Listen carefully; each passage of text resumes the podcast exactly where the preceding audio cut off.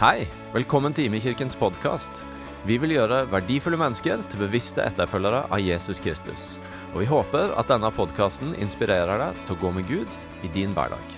Her er dagens tale. Så bra. Tusen, tusen takk for uh, gaven du er med og gir til uh, arbeid i Thailand. Og så, så kjekt å se dere. Fantastisk å få eh, samles igjen til gudstjeneste. Vi har hatt sommergudstjeneste, så det er ikke sånn at det er helt nytt. Men allikevel så oppleves det litt som at nå er vi i gang igjen. Er vi tilbake inn i dette rommet. Vi er i gang med en, ikke bare en kveldsgudstjeneste, men en formiddag- og kveldsrytme. Og vi på en måte begynner på semesteret. Og jeg synes det er så godt å se dere og så godt å komme sammen igjen etter noen måneder bak som har vært ganske annerledes. Um, for du som er ny eller har glemt meg pga. måneden som ligger bak, så kan jeg si at jeg heter Egil Elling og er en av pastorene her på huset. Og skal få eh, tale i kveld. Eh, jeg hadde bare lyst til å si først, Det kan hende at du syns det høres eh, eh, heftig ut med fire gudstjenester på en søndag. At vi kjører på med det.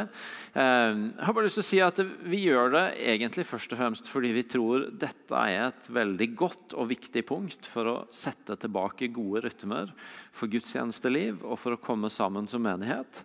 Og for at de som i de månedene som ligger bak, har kanskje fått nye spørsmål også til livet, til tro, til Gud, vet at det er et sted det går an å komme.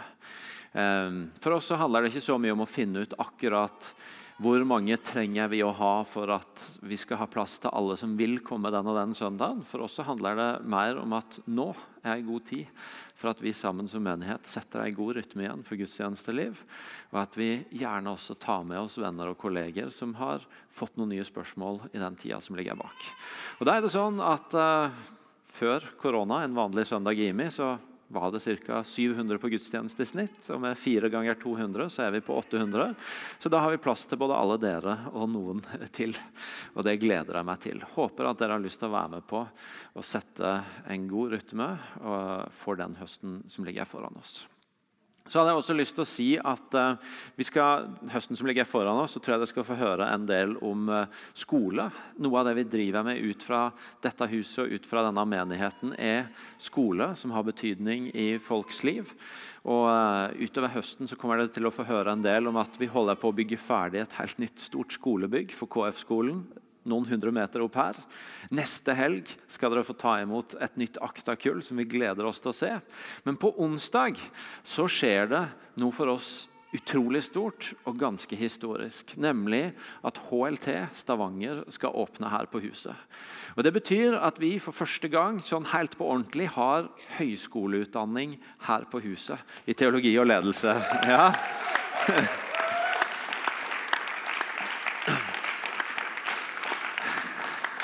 Ja, ja, kom an. Det er veldig bra. Det er en drøm vi har hatt, og vi har begynt med IMI-instituttet. og hatt noe av det, Men nå er det første gang vi altså har gått sammen med Høgskolen for ledelse og teologi og gjort en avtale som gjør at en avdeling av HLT starter her sammen med oss på dette huset. Og en årsenhet i teologi og ledelse tas, undervises her på huset.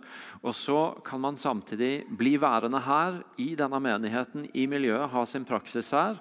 Og gå også de to neste åra og fullføre en bachelorgrad med noen sånne intensive uker inne på HLT i Stabekk. Så det betyr du kan være en del av dette huset, du kan ha din base i denne menigheten, og du kan ta en utdanning som utruster deg for ledelse og teologi. Det er større enn jeg tror vi kommer på her vi sitter og liksom tar det inn.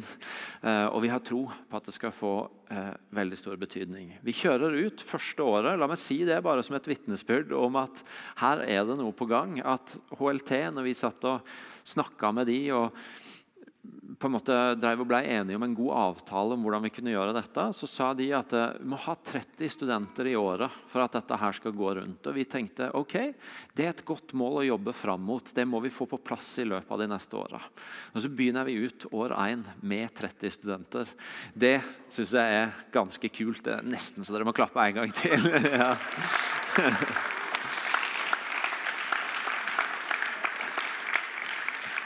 Så Andrea sitter der, og sammen med Bjørn Wang så er de lokalstab her på huset. Må gjerne gi de noen heiarop og litt ekstra bønn. Og eh, eh, la de få kjenne at vi er en menighet som står med i noe veldig spennende. Helt til slutt så har jeg bare lyst til å si at når vi nå er i litt sånn annerledes tid med gudstjenestelivet, så er jo kafé etterpå inne på torget. Og bonusen dere får med på det, er at Eva holder bokutsalget åpent. Du kan altså ta med deg noe bra og oppbyggelig å starte høsten med. Hvis jeg skal løfte fram ei bok i dag så er det ei bok som jeg vet at jeg har solgt masse av i den siste tida. Som heter, det er en andagsbok som heter 'Tid med den Gud som taler'. Og eh, Det er skrevet ei som har et sånt navn som gjør at jeg gruer meg litt til å si det. for jeg synes det er vanskelig å uttale. Priscilla Shirer. Gikk det tålelig greit? Ja. eh, og den, jeg skal være ærlig, jeg har ikke lest den sjøl, men mange skryter av den og eh, har solgt så mye at de har måttet hente inn flere ganger. Det er en av mye bra som Eva har der.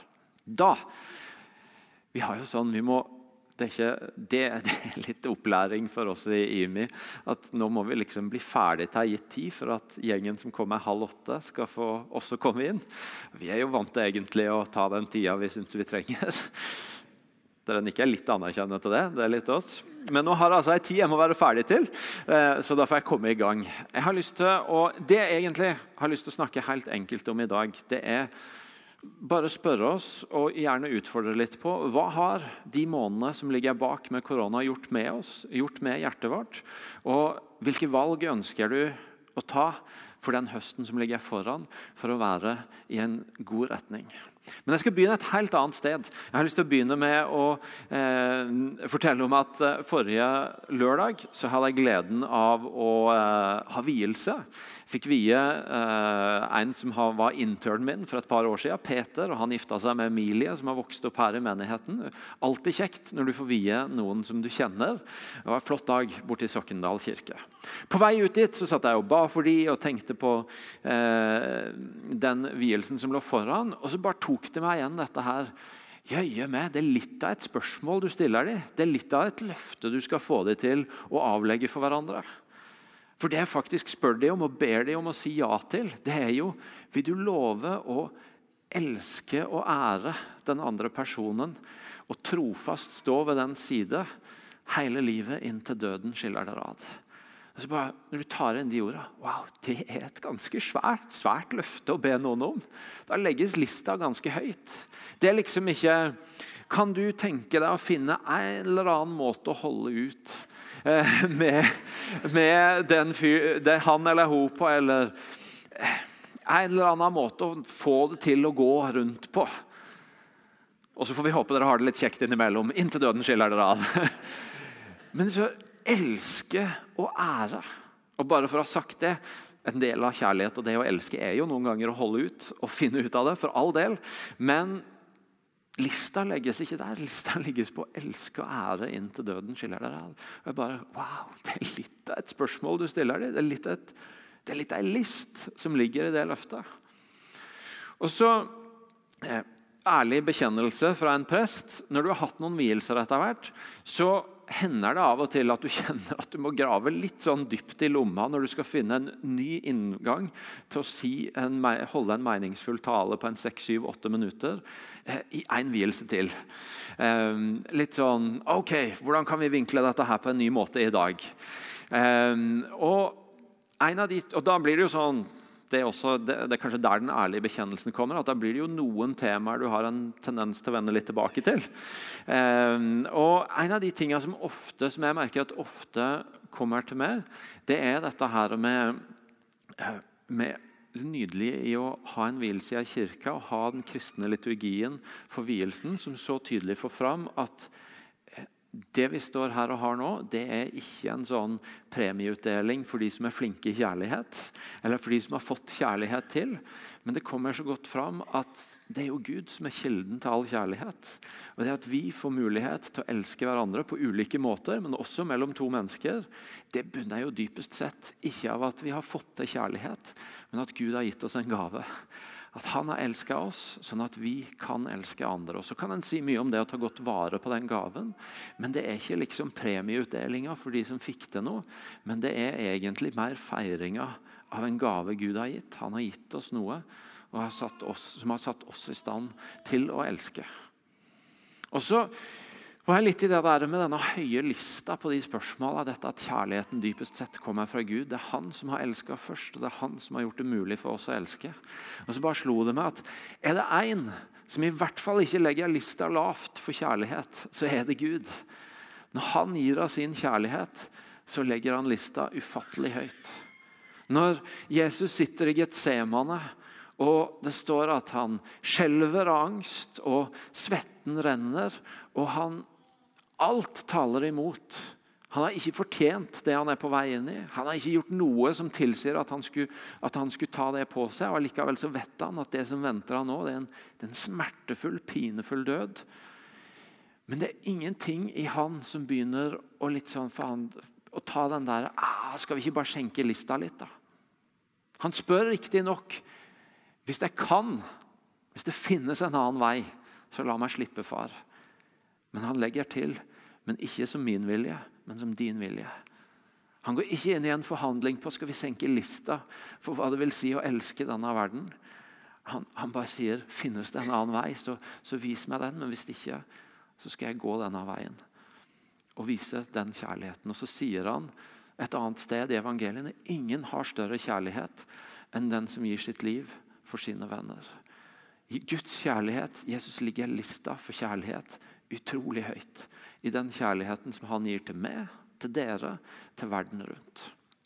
Og det er et fantastisk utgangspunkt. Vi er elska, og vi er elska av Han som, som legger en mye høyere list enn det vi noen gang kan legge for den kjærligheten som Han gir ut til oss. Og så er det jo sånn at I møte med det på den ene siden, så kommer alle, vi kommer alle til kort. Ingen av oss når opp til, til, til standarden. Ingen når opp.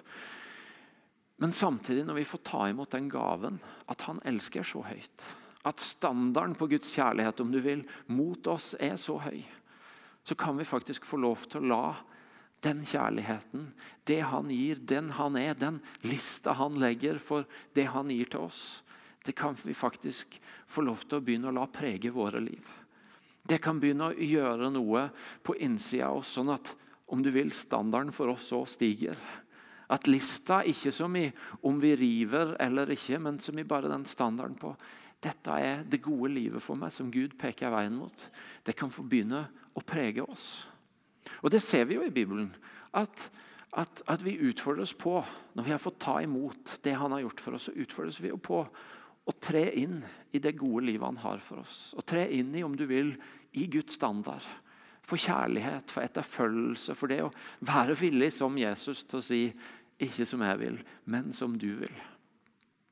Og Vi ser at noe av det kanskje Gud er aller mest opptatt av hvis vi skal snakke om standarden i våre liv, der hvor vi kan la oss utfordre av å, av å bli preget av Han og bli formet av Han. Det er det som skjer på innsida vår.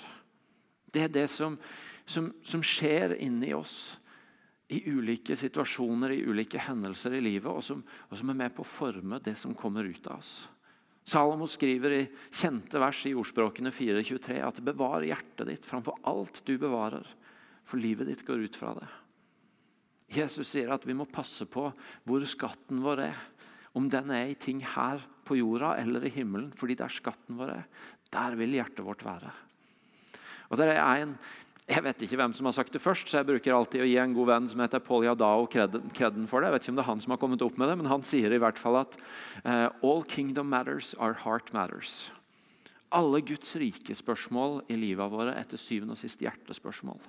Det er ting som, begynner, som, som, som forvandles i hjertet vårt, som, eh, som, handler om det som skjer på innsida av hjertet vårt, og som i neste omgang kommer ut i et annerledes liv som er prega av Guds standard. Og når jeg var alene ved starten av dette semesteret, på stille dager, så var det et skriftsted fra eh, romerne, romerbrevet, som, som, tok tak i meg, som begynte å jobbe med nettopp med dette her. Romerne 12. og Da skal du huske på det. Nettopp, det var, det var, litt, det var viktig for meg å ha innledninga, sånn at du har med deg at dette begynner ikke med vår standard, men det begynner med Guds standard. Og på samme måte når du hører Romerne 12 Vi, vi hadde stabsdager denne uka, og da, da, hadde vi en sånn bibelstudie på det. og og Noen opplevde det ganske krevende å lese de versene jeg nå skal lese for dere, fordi at de hørte bare alt de ikke nådde opp til. Men noen opplevde det frigjørende å lese fordi de hadde med seg at ja, men det, jo, det, det begynner med det Gud gir oss. Og så får vi lov til å tre inn i dette livet. Og, og når vi er kommet til Romerne 12, så har først Paulus malt ut at vi er frelst av nåde, ikke ved gjerninger. Eh, at vi er frelst ved tro. Men så skriver han i Romerne 12.: Derfor formaner jeg dere ved Guds barmhjertighet, søsken Bær kroppen fram som et levende og hellig offer til glede for Gud. Det skal være deres åndelige gudstjeneste. Innrett dere ikke etter den nåværende verden, men la dere forvandle ved at sinnet fornyes, så dere kan dømme om hva som er Guds vilje. Det gode, det som er til glede for Gud, det fullkomne. Paulus skriver igjen om dette, så jeg berører han dette her med hvordan endringen kommer fra på, Det begynner på innsida. La dere forvandle ved at sinnet fornyes, sånn at dere kan se annerledes. Dere kan bedømme annerledes hva som er godt, hva som er Guds vilje, hva som er det fullkomne. Vi trenger en fornyelse på innsida, i sinnet vårt, i hjertet vårt, sånn at vi faktisk kan skjelne hva er av Gud, hva er det gode, hva er den standarden som er, som er god for livet mitt å bevege meg mot i alt det som skjer rundt meg. Og så hopper vi over noen få vers, og så plukker vi opp igjen i vers 6. Vi har forskjellige nådegaver, alt etter den nåde Gud har gitt oss. Den som har profetisk gave, skal bruke den i samsvar med troa. Den som har en tjeneste, skal ta seg av sin tjeneste. Den som er lærer, skal undervise. Den som trøster, skal virkelig trøste. Den som gir av sitt eget, skal gjøre det uten baktanker. Den som er satt til å lede, skal gjøre det med iver. Den som viser barmhjertighet, skal gjøre det med glede. La kjærligheten være oppriktig. Avsky det onde, hold dere til det gode. Elsk hverandre inderlig som søsken. Sett de andre høyere enn dere sjøl. Vær ikke lunkne, men ivrige. Vær brennende i ånden. Tjen Herren. Vær glade i håpet, tålmodig i motgangen, utholdende i bønnen. Vær med og hjelp de hellige som lider nød, og legg vind på gjestfrihet. Det er mange ting som kunne dras ut av alle de fine ordene der. En av de tingene som møtte meg når jeg leste det, det var dette her Gjør det du gjør med hjertet. De som eh, eh, trøster, skal virkelig trøster, trøste. De som gir av sitt eget, skal gjøre det uten baktanker. De som er satt til å lede, skal gjøre det med iver. Den som viser barmhjertighet, skal gjøre det med glede. La kjærligheten være oppriktig. Vær ikke lunkne, men ivrige. Vær brennende i ånden. Det er noe i dette her som er sånn Gjør det du gjør med hjertet. Legg hjertet ditt i det du bruker livet ditt til, i det Gud leder deg til å gjøre, i det du har valgt å ha som retning for livet ditt. Legg hjertet ditt i det. Så kjente jeg at det fikk lov til å utfordre meg.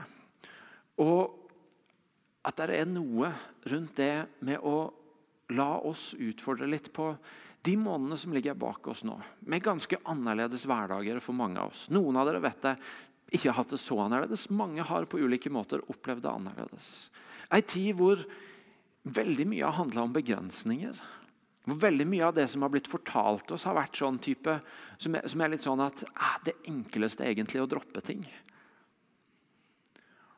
Og hvor vi, hvor vi gjerne har blitt tatt inn i nye mønstre og andre måter å bruke dagene våre og tida våre på. Hva har det gjort med oss?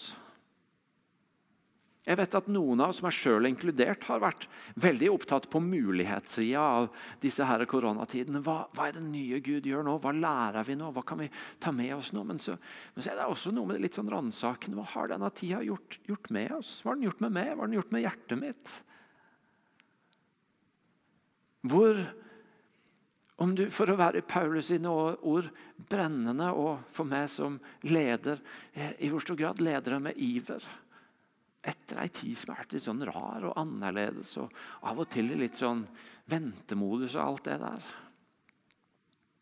Noe av min erfaring er at når vi utfordres, når ting blir annerledes, kanskje når vi presses, så, så erfarer vi også at, gjerne kanskje at noen ting i livet vårt sklir litt. At ting som vi hadde ei god retning på, eller ting som vi, når alt er på stell, og vi har oversikt og vi har overskudd, og alt sånt, jo, så, så, så er vi på en måte der. Når, når, vi presses og skvises litt og utfordres litt og tas ut av kanskje rytmer, så, så er det noen ting som sklir litt.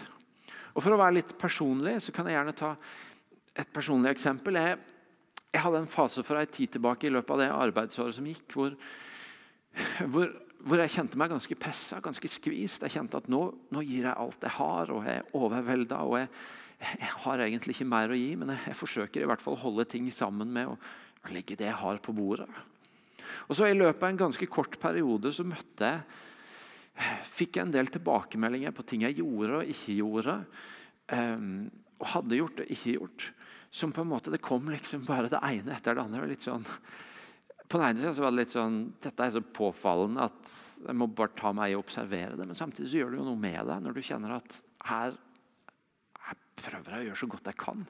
Og allikevel så er det åpenbart ikke godt nok, for jeg strekker ikke til. Og jeg får, jeg får tilbakemeldingene på, på det, og på at jeg kommer til kort. Og Så gikk jeg til en god venn. og... Eh, og så bare fortalte dette her, sikkert litt sånn selvmedlidende. med en underforstått, ikke uttrykt bønn om å ha litt medlidenhet med meg og gi meg en oppmuntring på at jeg ikke er så verst allikevel. og så sier han, min gode venn, bare til meg Når jeg jobba i banken, så grein jeg én gang. Og Da jobba jeg så hardt og gjorde alt jeg kunne. Allikevel så fikk jeg kjeft for noe som ikke var godt nok. Og jeg syntes det var så urettferdig. Men så var det jo helt sant at det ikke var godt nok. Så sa han det, og så bare skifta han tema og gikk videre. og det jeg hørte, det var Skjønner jeg godt åssen du føler det, men det kan godt være de har rett. og det tok jo meg inn i en veldig nyttig prosess, hvor jeg gikk fra å ha fokus på alt det her ute som gjorde meg pressa, og på, på, på et sånn, litt sånn type fokus av jeg gjør jo så godt jeg kan. Se det, da. Skjønn det, da. Anerkjenn det. da, Til å begynne å se innover. og hva, hva, er det som skjer? Er det, hvor er det jeg kommer til kort? Hva er det jeg lærer? Hva er det jeg oppdager om meg sjøl? Og så er jo noe av det jeg oppdager, at ting som, som jeg gjerne har et selvbilde på at, at det er sånn jeg er, eller at det er mine verdier, og som jeg på gode dager antagelig også er, om ikke topp, så i hvert fall brukbart i livet mitt. Når jeg kommer under press, så, så begynner det å skli. Og Det er ikke sånn at jeg har satt meg ned og bestemt meg at nei, nå er det så mye, så nå får bare det være. Men det bare sklir. Uten at jeg tok noe valg på det, så skjer det. Og kan det være for noen av oss at i den tida som ligger bak, at vi har sklidd på noen områder? At det har vært så annerledes, at det for noen av oss har vært så pressa på noen punkt at noen ting sklir litt? At kanskje det å begynne en ny høst, begynne et nytt semester, begynne å komme sammen igjen og tilbe Gud, som vi gjorde nå, og virkelig kjenne at å, vi står på hellig grunn, som Irene sa. At det også er ei tid for å bare justere hjertet litt. For å sette litt ord på at her har jeg kanskje sklidd litt. At nei, jeg har lyst til å gå inn i denne høsten og som Paulus sier i Romerne 12, legge hjertet mitt i det jeg tror på i det brenner jeg for, i det som er verdiene Gud har gitt meg, i det jeg ønsker å stå for. Og så kan Det kan hende at det høres litt sånn Noen vil kalle det lovisk, andre vil kalle det kravstort. og alt det der, Men, men det frie livet det fins jo i, i det livet Gud har for oss. Og det spør deg om er ikke nødvendigvis hvis du er litt trøtt eller hvis du starter semesteret litt på minus, om at du må gjøre enda mer, du må stå på enda hardere, du må legge enda flere timer ned i kirka. Nei, Det kan godt hende at det det betyr for deg, er å bli veldig bevisst på at inn mot dette semesteret så må jeg bare resette tida mi med Gud. For jeg må komme på plass i hjertet mitt overfor Han, sånn at prioriteringene mine kommer etter det. Det kan være at konsekvensen er at, eh, at du må legge noe til side. fordi at det du faktisk er bedt av Gud om å gjøre, det må du gjøre med hjertet. Det skal du få gjøre med overbevisning. Og det er noe annet som må vike for at du kommer i den posisjonen. Det kan være at det handler om at i ei tid som nå, Hvor vi vet av erfaring at det er en god del mennesker rundt oss som har fått noen nye tanker om livet. Og om eh, hva som er mening, og om hvor ankerpunktene er. At jeg og du utfordres på å enda mer gå inn i de relasjonene med hjertet og med en frimodighet på at jeg ønsker å ha de samtalene. Om livet, om mening, om Gud. Om hvor jeg finner ankerpunktet mitt. Men da må jeg være på plass med hjertet mitt. Jeg leste ei inspirerende bok av John Maxwell eh, som heter 'Intentional Living'. hvor Han sier at mennesker han møter, de kan gjerne deles i tre kategorier. Det er de som er i overlevelsesmodus, survival mode. Det er de som er opptatt av suksess, det å lykkes. Og det er de som er opptatt av significance, å ha betydning. Og Det å være i overlevelsesmodus det kan vi alle noen ganger havne i. Og, eh, og Det kan være gode grunner til at vi er der. Og så tror jeg det er svært få av oss som ønsker å bli værende der. Noen ganger er det sånn. og, og det, Du trenger ikke kjenne på fordømmelse hvis, hvis, det er der du er. for Noen ganger blir vi tatt dit. Det er ikke det at vi velger oss dit. Men de fleste av oss, hvis vi har opplevd det, så har vi ikke lyst til å bli værende, værende der. Og så kan vi jo komme over i dette her suksessmoduset. Da, at ja, men jeg har lyst til å lykkes, jeg har lyst til å få til ting i livet. Jeg har lyst til å komme videre til det her hvor jeg, hvor jeg ser at, at jeg får til noe. Og vi som menighet kan lett havne der. At vi, vi, tenker på alt det vi får til. For vi er ganske mange folk, og vi, vi, har ganske mange ting vi gjør. Og vi kan stort sett alltid feire noen seiersrapporter. Men så sier Maxwell at hvis du skal komme til det punktet som handler om betydning, at det faktisk skal, skal bli et avtrykk igjen av livet ditt, så er du nødt til å vende blikket fra at du sjøl skal lykkes, til å bety en forskjell for andre. Da er du nødt til å snu blikket ditt fra hva du sjøl skal få til, til hvordan du kan, for å være et sånn klassisk John Maxwell-språk, hvordan du kan add value to others. Hvordan du kan legge verdi, gi verdi, gi noe av det du har, til noen andre. Og For meg personlig, og for oss etter ei tid hvor kanskje noen har vært i survival mode, eller hvor det er lett å få fokus på med usikre tider rundt, med økonomi og jobber og alle sånne ting, det er må få til for å sikre meg sjøl og mitt eget og at jeg lykkes, så tror jeg det er en invitasjon til oss som menighet og til oss som enkeltmennesker til å sikre at vi legger hjertet vårt i å leve et liv med betydning. I å bety en forskjell for denne byen og for dette landet. Som menighet så er det ikke enkle valg. En del av de tingene vi har valgt å gjøre og legge ressursene våre i. Vi velger ikke alltid den letteste veien. og Dere merker det noen ganger ved at vi utfordrer. Men det er fordi det betyr vi har så lyst til å bety en forskjell i Stavanger og i Norge og utover i verden, f.eks. i Thailand, som dere har hørt om nå. Og Ved starten av et nytt semester så har jeg rett og slett bare lyst til å, Og etter et så rart semester som vi har bak oss, så har jeg egentlig bare lyst til å utfordre oss på det. Hvor er hjertet ditt ved inngangen til et nytt arbeidsår? Etter den tida som ligger bak. Hvordan ser det ut for deg å ikke bli fanga i overlevelsesmodus eller i fokus på å sikre at du lykkes med dine egne ting. Men at uansett hva som er rammene rundt, hvordan kan jeg få være med å ha en betydning? Få gjøre en forskjell?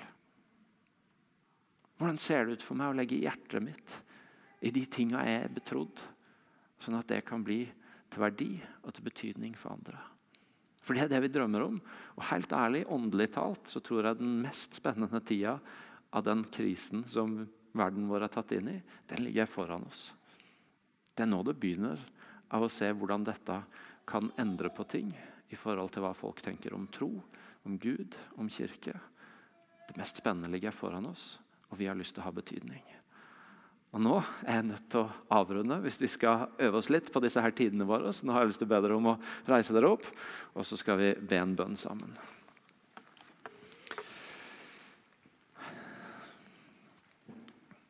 Jesus, takk for at du aldri senker lista for din kjærlighet og for det du gir til oss. Og Det har du ikke gjort i tida som ligger bak, og det har du definitivt ikke tenkt å gjøre i den høsten vi går inn i. Og Så ser du at noen ganger så kan det hende at vi mister fokus, at vi sklir litt, at vi kjenner at hjertet vårt kommer under press. Og så har vi lyst til i møte med et nytt år etter ei spesiell tid å bare stille våre hjerter framfor deg. med en bønn om at du justerer oss, at du skaper nytt, noe nytt i hjertet vårt. At du lar det flomme liv ut av hjertene våre. Og at du lar oss få vende hjertene våre mot andre og mot verden rundt oss. Sånn at vi akkurat i denne tida her får være med å ha en betydning. Fordi vi kjenner, og for den byen og det landet vi er satt til å tjene. Hellige Ånd, vi tror deg for at du har noe nytt for byen vår og noe nytt for landet vårt. Og vi ber deg om å forløse det.